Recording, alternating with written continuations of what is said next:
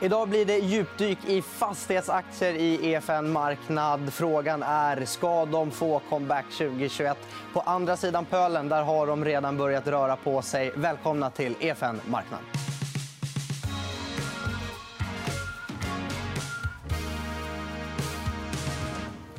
Och med oss i studion idag har vi Peter Norhammar. Välkommen. Tack så mycket. Kul att vara här.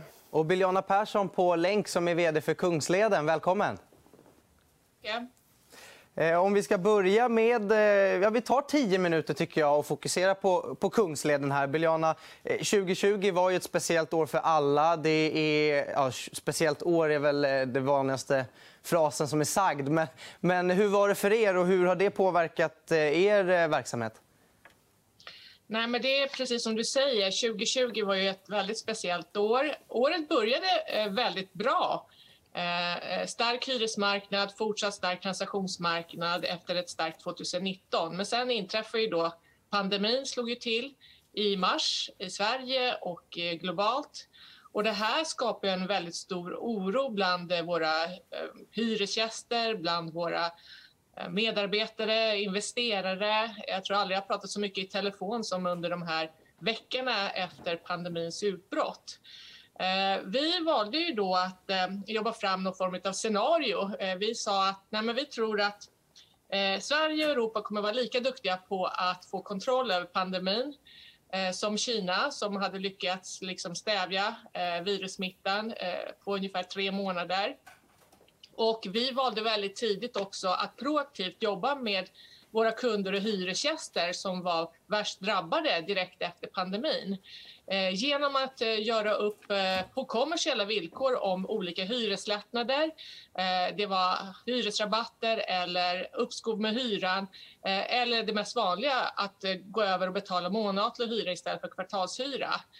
Mot att vi fick någonting tillbaka, antingen att vi förlängde hyresavtalet eller höjde hyran återstående hyresperioden eller en kombination av detta. Och det här gjorde vi innan staten ens hade gått ut med sina rekommendationer om hyresrabatter och allt vad det var eh, som kom därefter. Eh, så att, eh, jag tycker att vi fick bra kontroll över läget rätt snabbt. Och sen har det visat sig att den här pandemin har ju slagit väldigt hårt på vissa branscher och ingenting alls, eller väldigt lite, på, på merparten av verksamheter i Sverige, tack och lov. Och jag tror att eh, mycket eh, beror på att vi inte hade den här totala nedstängningen av samhället och landet utan att vi har försökt jobba vidare, hålla avstånd, eh, eh ta hand om varandra och oss själva men att inte stänga ned.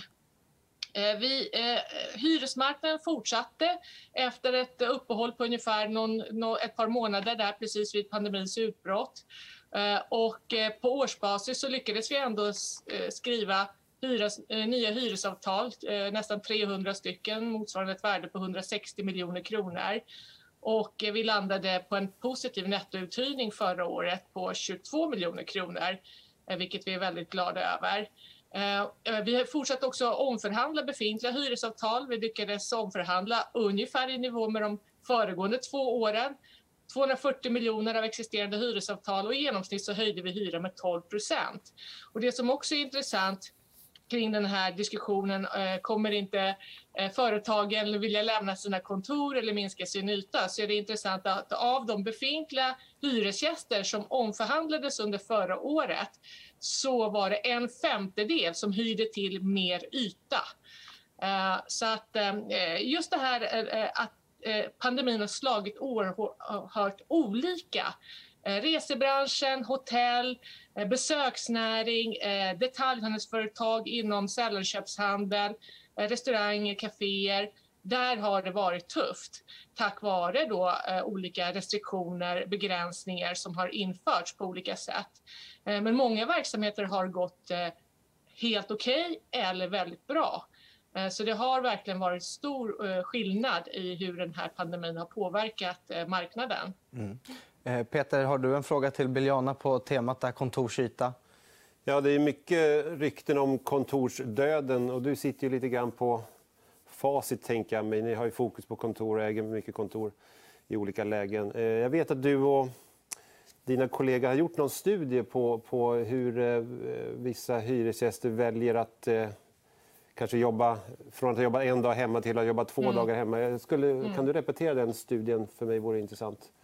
Absolut. Och, Nej, och hur det egentligen kommer slå på efterfrågan och, och kanske i, i förlängningen även på vissa hyresnivåer och sådär.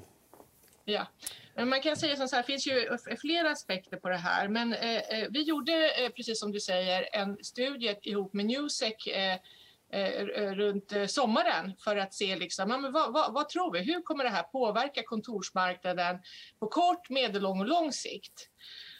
och slutsatserna i den här analysen är att före pandemin, alltså arbeta hemifrån är inget nytt för Sverige.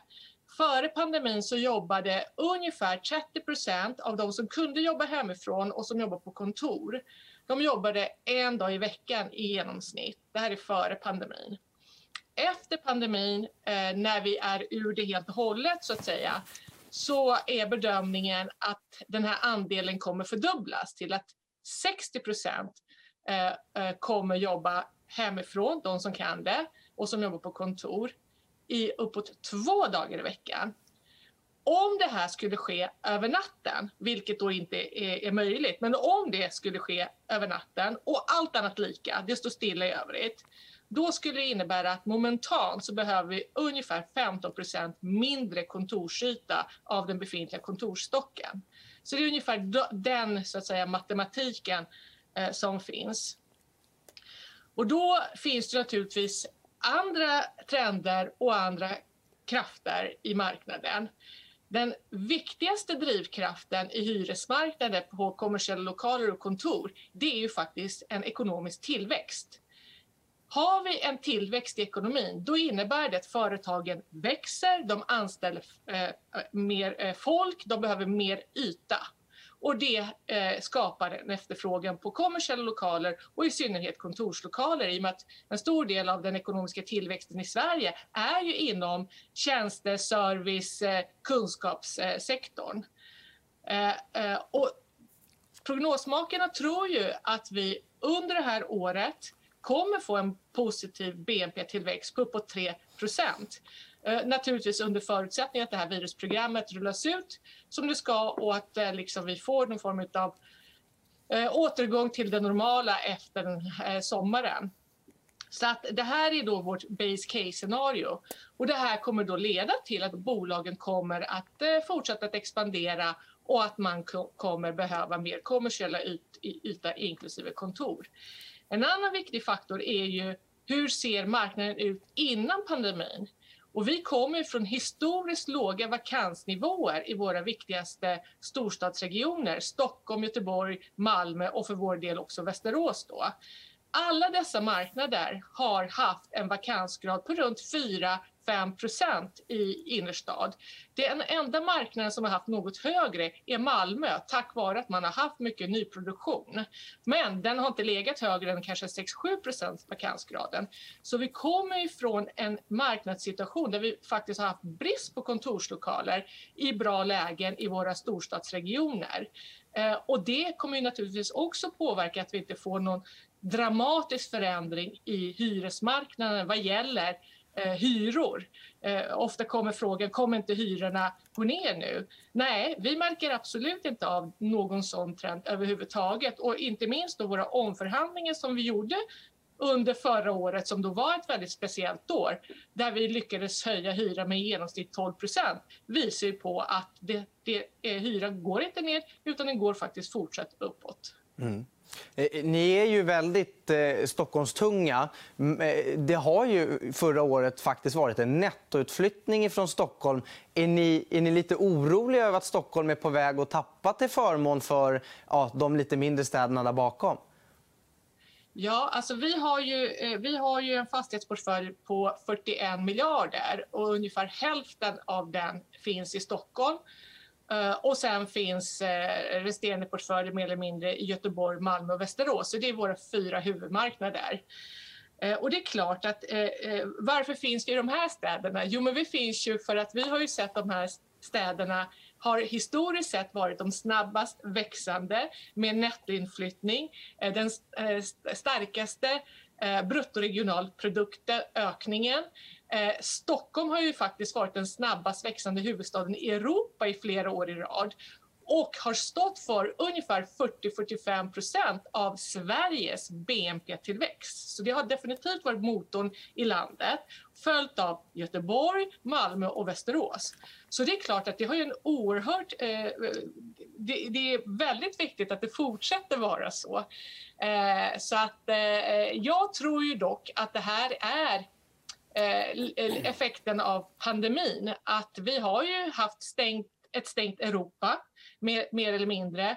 Eh, vi har också haft eh, restriktioner kring att resa. Folk flyttar inte i samma utsträckning.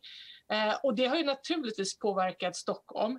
En annan sak som vi ser väldigt tydligt i vår egen verksamhet är att Stockholm har eh, drabbats värst av virusspridningen eh, i förhållande till alla andra städer. Eh, och det har att göra med att det är en storstad, det har en högre densitet Eh, och därför har också det här eh, viruset fått större fäste i Stockholm och det har påverkat eh, liksom businessen i Stockholm mer. Så det märker vi också i vår egen verksamhet. Men, men jag och vi tror ju på att det kommer komma tillbaka. Det, det ligger liksom i naturlagen så att säga att människor företag vill finnas där det händer. Där det finns andra bolag, där det finns eh, universitet, skolor, eh, restauranger och annat. Det är liksom, eh, en storlek på en stad är i sig en, en attraktion för både människor och företag att finnas där. Och jag tror att det kommer komma tillbaka, men det kanske tar eh, en, något år eller så innan, innan vi ser det. Mm. Ni, ni, har ett väldigt eh, uttalat och tydligt eh, hållbarhetsarbete och hållbarhetsfokus. Hur, eh, hur vanligt är det att era kunder efterfrågar hållbara kontorslösningar och var i ligger vinsten för aktieägarna? Är det att ni får billigare finansiering eller vad, vad är det som är vinsten med mm. det? Förutom det etiska såklart. Ja, nej men det, det är en jättebra fråga och det, det har ju skett en jättestor förändring i marknaden Eh, i efterfrågan på hållbarhet från, utifrån allas aspekter. Från våra kunder, hyresgäster, eh, från eh, våra medarbetare och potentiella medarbetare, från våra aktieinvesterare, ehm, banker och kapitalmarknaden med mera. Jag skulle säga för tre år sedan Eh, eh, som jag nämnde, vi skrev eh, nästan 300 nya hyresavtal eh, förra året och av dessa ungefär hälften var gröna hyresavtal. För tre år sedan så kanske vi signade 10-15 gröna hyresavtal. Så det är hur snabbt det har gått och det här är ju då att det efterfrågas av våra kunder. Eh, det har gått så långt att vissa av våra potentiella kunder säger att de hyr inte en lokal med mindre än att det är en miljöcertifierad byggnad och att man kan teckna ett grönt hyresavtal. Och jag skulle vilja påstå att man till och med är beredd att betala lite på toppen för att få ett grönt hyresavtal i en miljöcertifierad fastighet. Eh, och i takt med att vi, eh, vi har ju då en ambition att eh, miljöcertifiera i princip hela vår fastighetsportfölj vid utgången av år 2025. Och det går i hand i hand med att vi vill finansiera eh, alla, eh, allt med grönt eh, på sikt. Och det möjliggör eh, om vi miljöcertifierar fastigheterna. Och då innebär det att vi kommer jobba aktivt med att eh, minska vår energikonsumtion. Den energikonsumtion vi gör ska vara så grön som möjligt, med mera, med mera.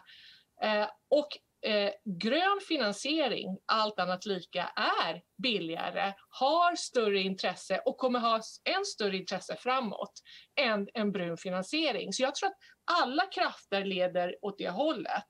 Och vad gäller aktiemarknaden, jag menar, vi som ett börsbolag träffar ju eh, aktieinvesterare hela tiden på eh, roadshows och annat. Och jag menar samma sak där. För tre år sedan var det knappt någon som frågade vad vi gjorde inom hållbarhet. Idag är det i princip näst eller högst upp på agendan i alla möten. Eh, och det är väldigt ingående frågor och det är mycket kring hållbarhet men det är även liksom kring samhällsengagemang och, och, och, corporate governance och andra frågeställningar. Så det är stort fokus även från aktiemarknaden på dessa frågor. Mm. Eh, och sist men inte minst innan jag släpper dig för idag. Eh, 2021, hur hårt tryck tror du det blir på transaktionsmarknaden där ute? Vad märker du när du är, ja, vad, vad, vad, känner du av därifrån? Är det, är det positivt? Nej, men det är väldigt positivt. Jag menar, 2020 blev ju det näst eh, bästa eller tredje bästa året i transaktionsvolym någonsin. Eh, trots att det var ett väldigt speciellt år. Och det finns ju inga andra tecken på än att 2021 blir eh, lika starkt. Eh, vi är ju aktiva själva och försöker eh, så att säga förvärva och, och det, det, är svårt. Det är hård konkurrens där ute. Mm. Tack så mycket, Biljana Persson, vd på Kungsleden. Tack. Jaha, Peter, du har ju faktiskt eh, Kungsleden i din portfölj. Vad är det som lockar? Ja, men det stämmer. Jag tycker att eh, Kungsleden är en av de 24-25 aktier vi har tagit med i vår initiala portfölj. Jag tycker Kungsleden har kommit ur den här fasen nu när de har rensat ur beståndet och, och det börjar bli ett bolag som är återigen riggat för framtida tillväxt helt enkelt. Och jag konstaterar också att aktien är lågt värderad. Det finns mycket rädsla för kontor. Jag tror att den rädslan är överdriven. Och jag tror att eh, de kommer säkert kunna göra en del nettoförvärv investera mycket i sitt eget bestånd. Det är väldigt lönsamma investeringar. Och på toppen av det kommer man även kunna höja hyrorna i det befintliga beståndet. Så jag ser framför mig stigande kassaflöden och eh, jag tror att den här rädslan är övergående och då kommer kunna, vi, vi få en uppvärdering av, av aktien i, i, i, takt med att rädslan försvinner. Så att det finns uppsida i Kungsleden. det tror jag. Mm.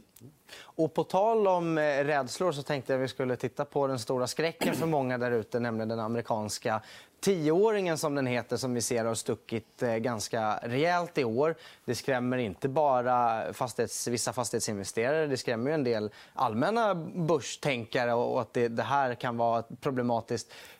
Är du orolig?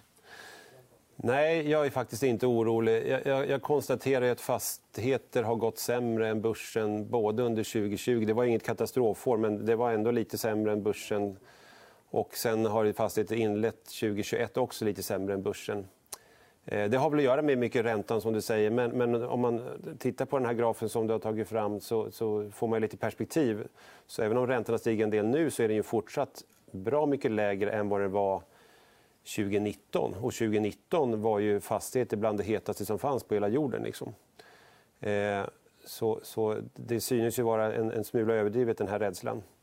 Jag tycker också att eh, eh den ränteuppgång vi har fått se nu den är ju huvudsakligen drivet av eh, ökade inflationsförväntningar.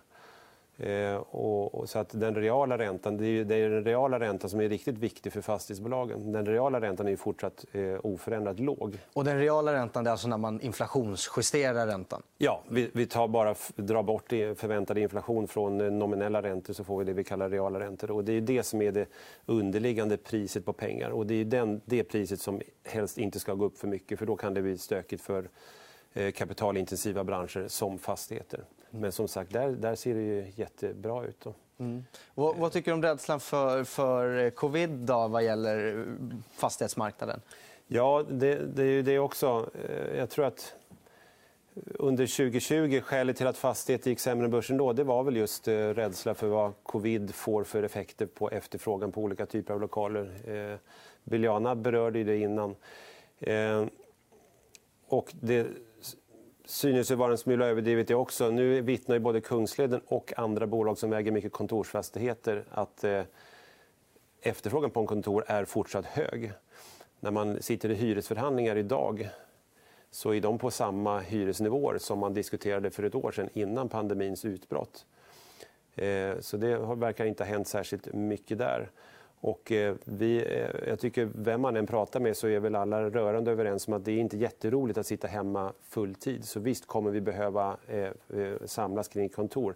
Det här kontoret kanske kommer se lite annorlunda ut framöver. Kanske lite mer gemensamhetsutrymmen, lite mer möteslokaler och lite mindre så att säga, faktiska arbetsplatser. Men kontorets betydelse för att bygga kultur kring ett företag tror jag är, är om möjligt ännu större framöver än vad det varit historiskt.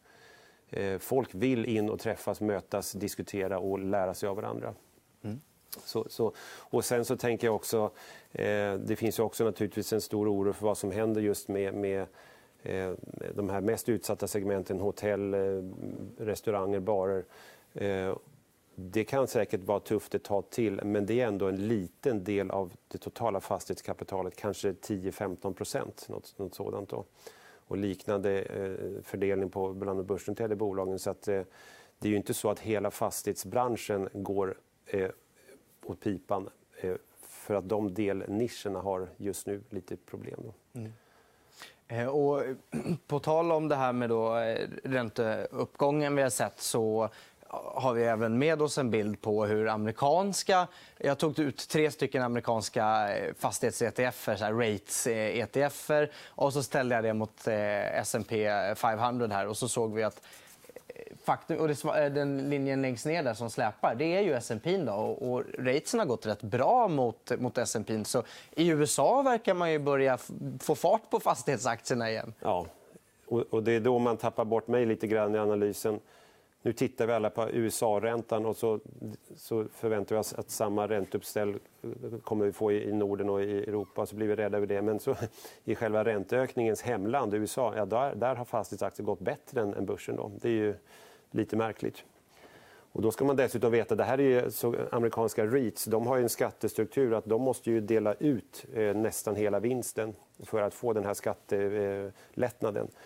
Det innebär att de i högre utsträckning än, än nordiska bolag blir då mer räntebärande instrument eftersom de inte har pengar kvar att investera och växa businessen. Och, och svenska bolag är ju då högre utsträckning rörelsedrivande bolag och mindre räntor. Att likna, det är mindre ränteinstrument så att säga.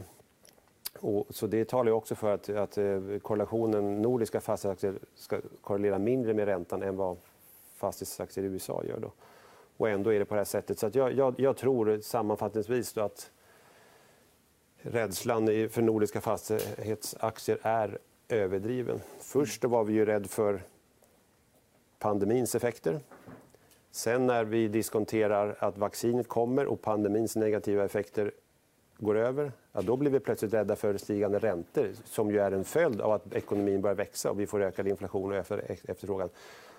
Då är vi ju rädda för allting samtidigt och då, då känns det som att analysen är överdrivet, eh, eh överdriven rädsla helt enkelt. Mm. När andra är rädda, det är kanske de man ska passa på? Ja, men ofta är det ju så. Man får göra sin hemläxa och, och, och, titta på vad som faktiskt händer i bolagen. Och det har vi just fått höra av Kungsleden, att det rullar på riktigt bra. Då tror jag att eh, det kan vara bra investeringstillfälle. Mm. Eh, och eh, om eh, man då blir sugen på att doppa tårna i fastighetssektorn så kanske man vill ha några godbitar med sig och kika på. Kanske göra sin e eller förhoppningsvis också göra sin egen analys. Men du får jättegärna tipsa om några favoriter du har. Ja, men just nu tycker jag det är som att gå in i en godisbutik. Det finns mycket att välja på. Det, det finns uppsidan de flesta papper faktiskt. Men jag, jag kan vi lyfta fram några aktier. Jag tycker SBB är ju en aktie som skapar mycket känslor. Skapar alltid debatt. Ilja Battilians framfart är ju, är ju omdebatterad. Eh, om man tittar på siffrorna vad som faktiskt händer så är SBB den aktie som eh, senaste två, tre åren har skapat bäst tillväxt vad gäller substansvärde per aktie. De har en, en årlig tillväxt någonstans runt 40 de senaste tre åren i ökad eh, net asset value per share. Då. Det är ju imponerande tal. Bolaget ökar också sin, sin eh, förvaltningsresultatet per aktie, eller kassaflöden per aktie kan man säga. Så det är imponerande tillväxttal även där. Och, och, trots det så handlas aktien med en, en rabatt eh, jämfört med eh, både redovisad eh, substansvärde och också lägre värderingsmultiplar på kassaflödena än vad sektorn har i genomsnitt. Då. Så det finns uppenbarligen här, även här en oro eller rädsla för, för, eh, för, bo, för bolaget. Då. Men jag tycker, gör man sin hemläxa och tittar på siffrorna då, då ser det riktigt attraktivt ut helt enkelt. Mm. Och du, du är inte orolig för att de växer för fort, att det kräver för mycket av balansräkningen, att det behöver ta för mycket risker? Jag, jag tycker att eh, SBB gör det bra. De eh, har ju nu fått en bra rating vilket gör att de kan låna billigt både i banksystemet och på eh, europeiska kapitalmarknaden. Så de får in väldigt billigt eh, lånat kapital. Eh, för att inte bli helt trängda i ratinginstitutens händer då, så, så jobbar de också mycket med D-aktier och hybrider och får på den vägen in kapital så att de kan växa affären vidare.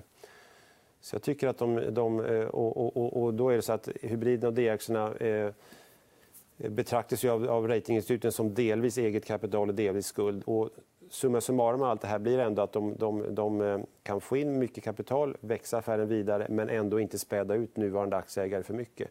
Så du får en bra tillväxt per stamaktie.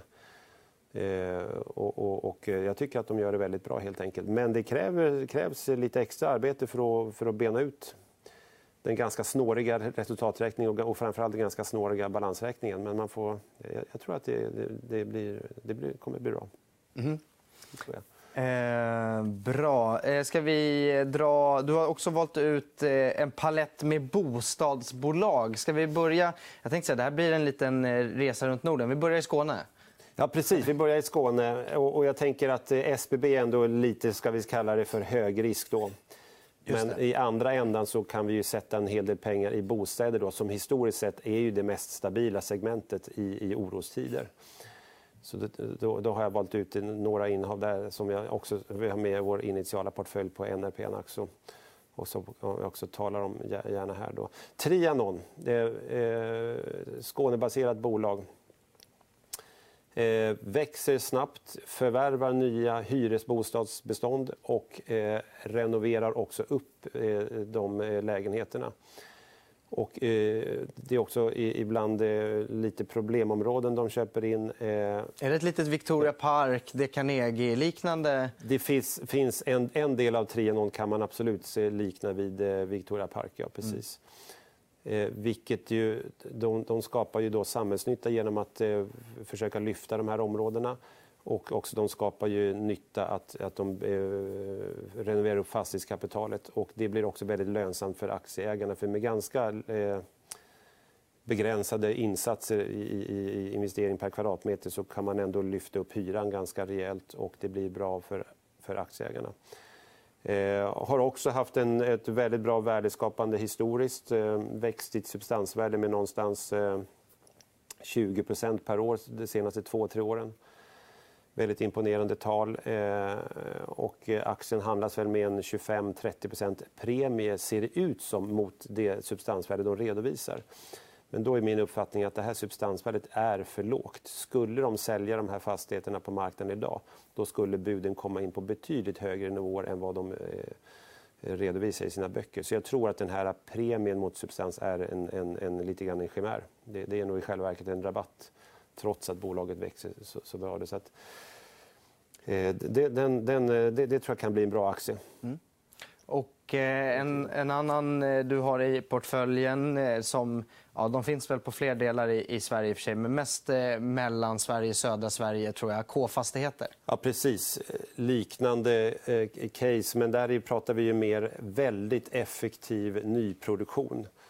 Eh, bygger många nya lägenheter, väldigt intressant byggrättsportfölj och har historiskt sett byggt väldigt, väldigt effektivt, billigt. Jag tror aldrig det här bolaget har Eh, så att säga, byggt färdigt ett projekt eh, eh, med, med en, en, kostnadsbudget som har, eller kostnadsnivå som har överstigit budget utan en väldigt disciplinerad och, och strukturerad byggnadsprocess helt enkelt.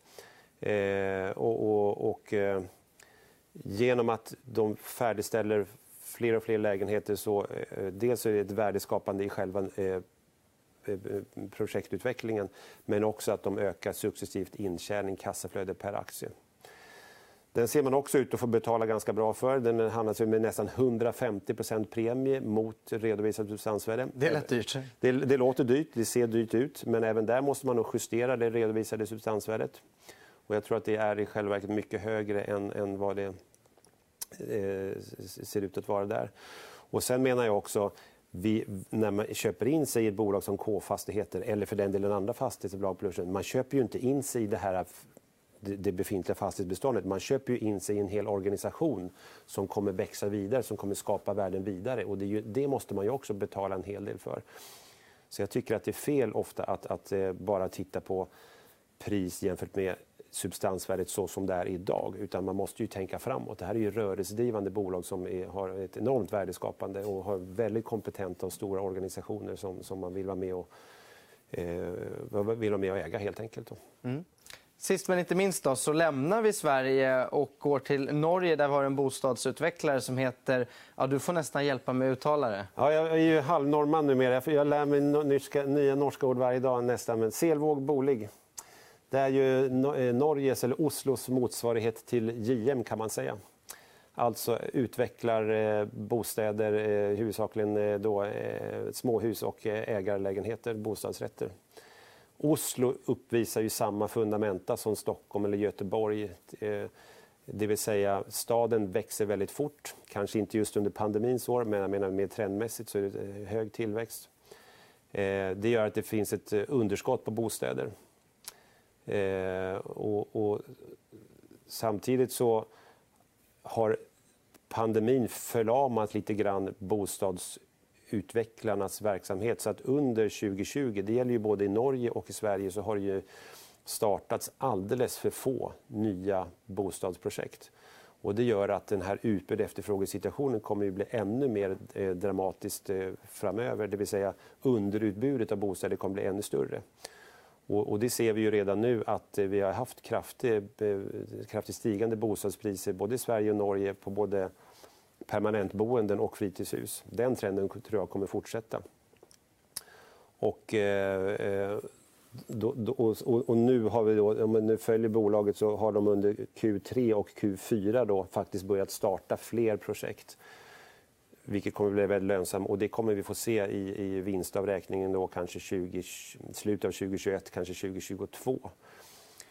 Så jag tror att det här bolaget har en väldigt god framtid även om det just nu ser ut som att vinsten minskar lite grann. Mm. Eh, men, och sen så ska, kan jag också konstatera att det, det här har ett bolag med väldigt så kallad lätt balansräkning. De har gjort en, en, en, gjort en omstrukturen i bolaget och sålt bort sina byggrätter och, har då, och binder då inte särskilt mycket kapital vilket gör att de får väldigt bra eh, eh, avkastning på det egna kapital de faktiskt binder. Och eh, med allt detta sagt så, så handlas då aktien på bara PE 14-15 gånger. Vilket är lägre än JM eh, eh, och också lägre än, än, vad det helt enkelt borde vara för ett bolag som faktiskt skapar en, en, en som har en avkastning på eget kapital på någonstans 25-30 de senaste två, tre åren. Så, så jobbar bra marknad, väldigt bra bolag, stort värdeskapande och det kan man köpa för P 14-15. Det är billigt tror jag. Mm. Ja, och, eh, ja, speciellt om de ska få JMs värdering. Om de ska få JMs värdering så, så finns det uppsida där också. Precis. Ja. Tack så mycket för att du kom hit, Peter Norhammar. Det var allt vi hade i dagens fastighetsaktiespecial. Vi är såklart tillbaka på fredag igen klockan 11.45. Ni som har tittat på Youtube, tryck gärna på prenumerera. Ha det så bra. Hej då!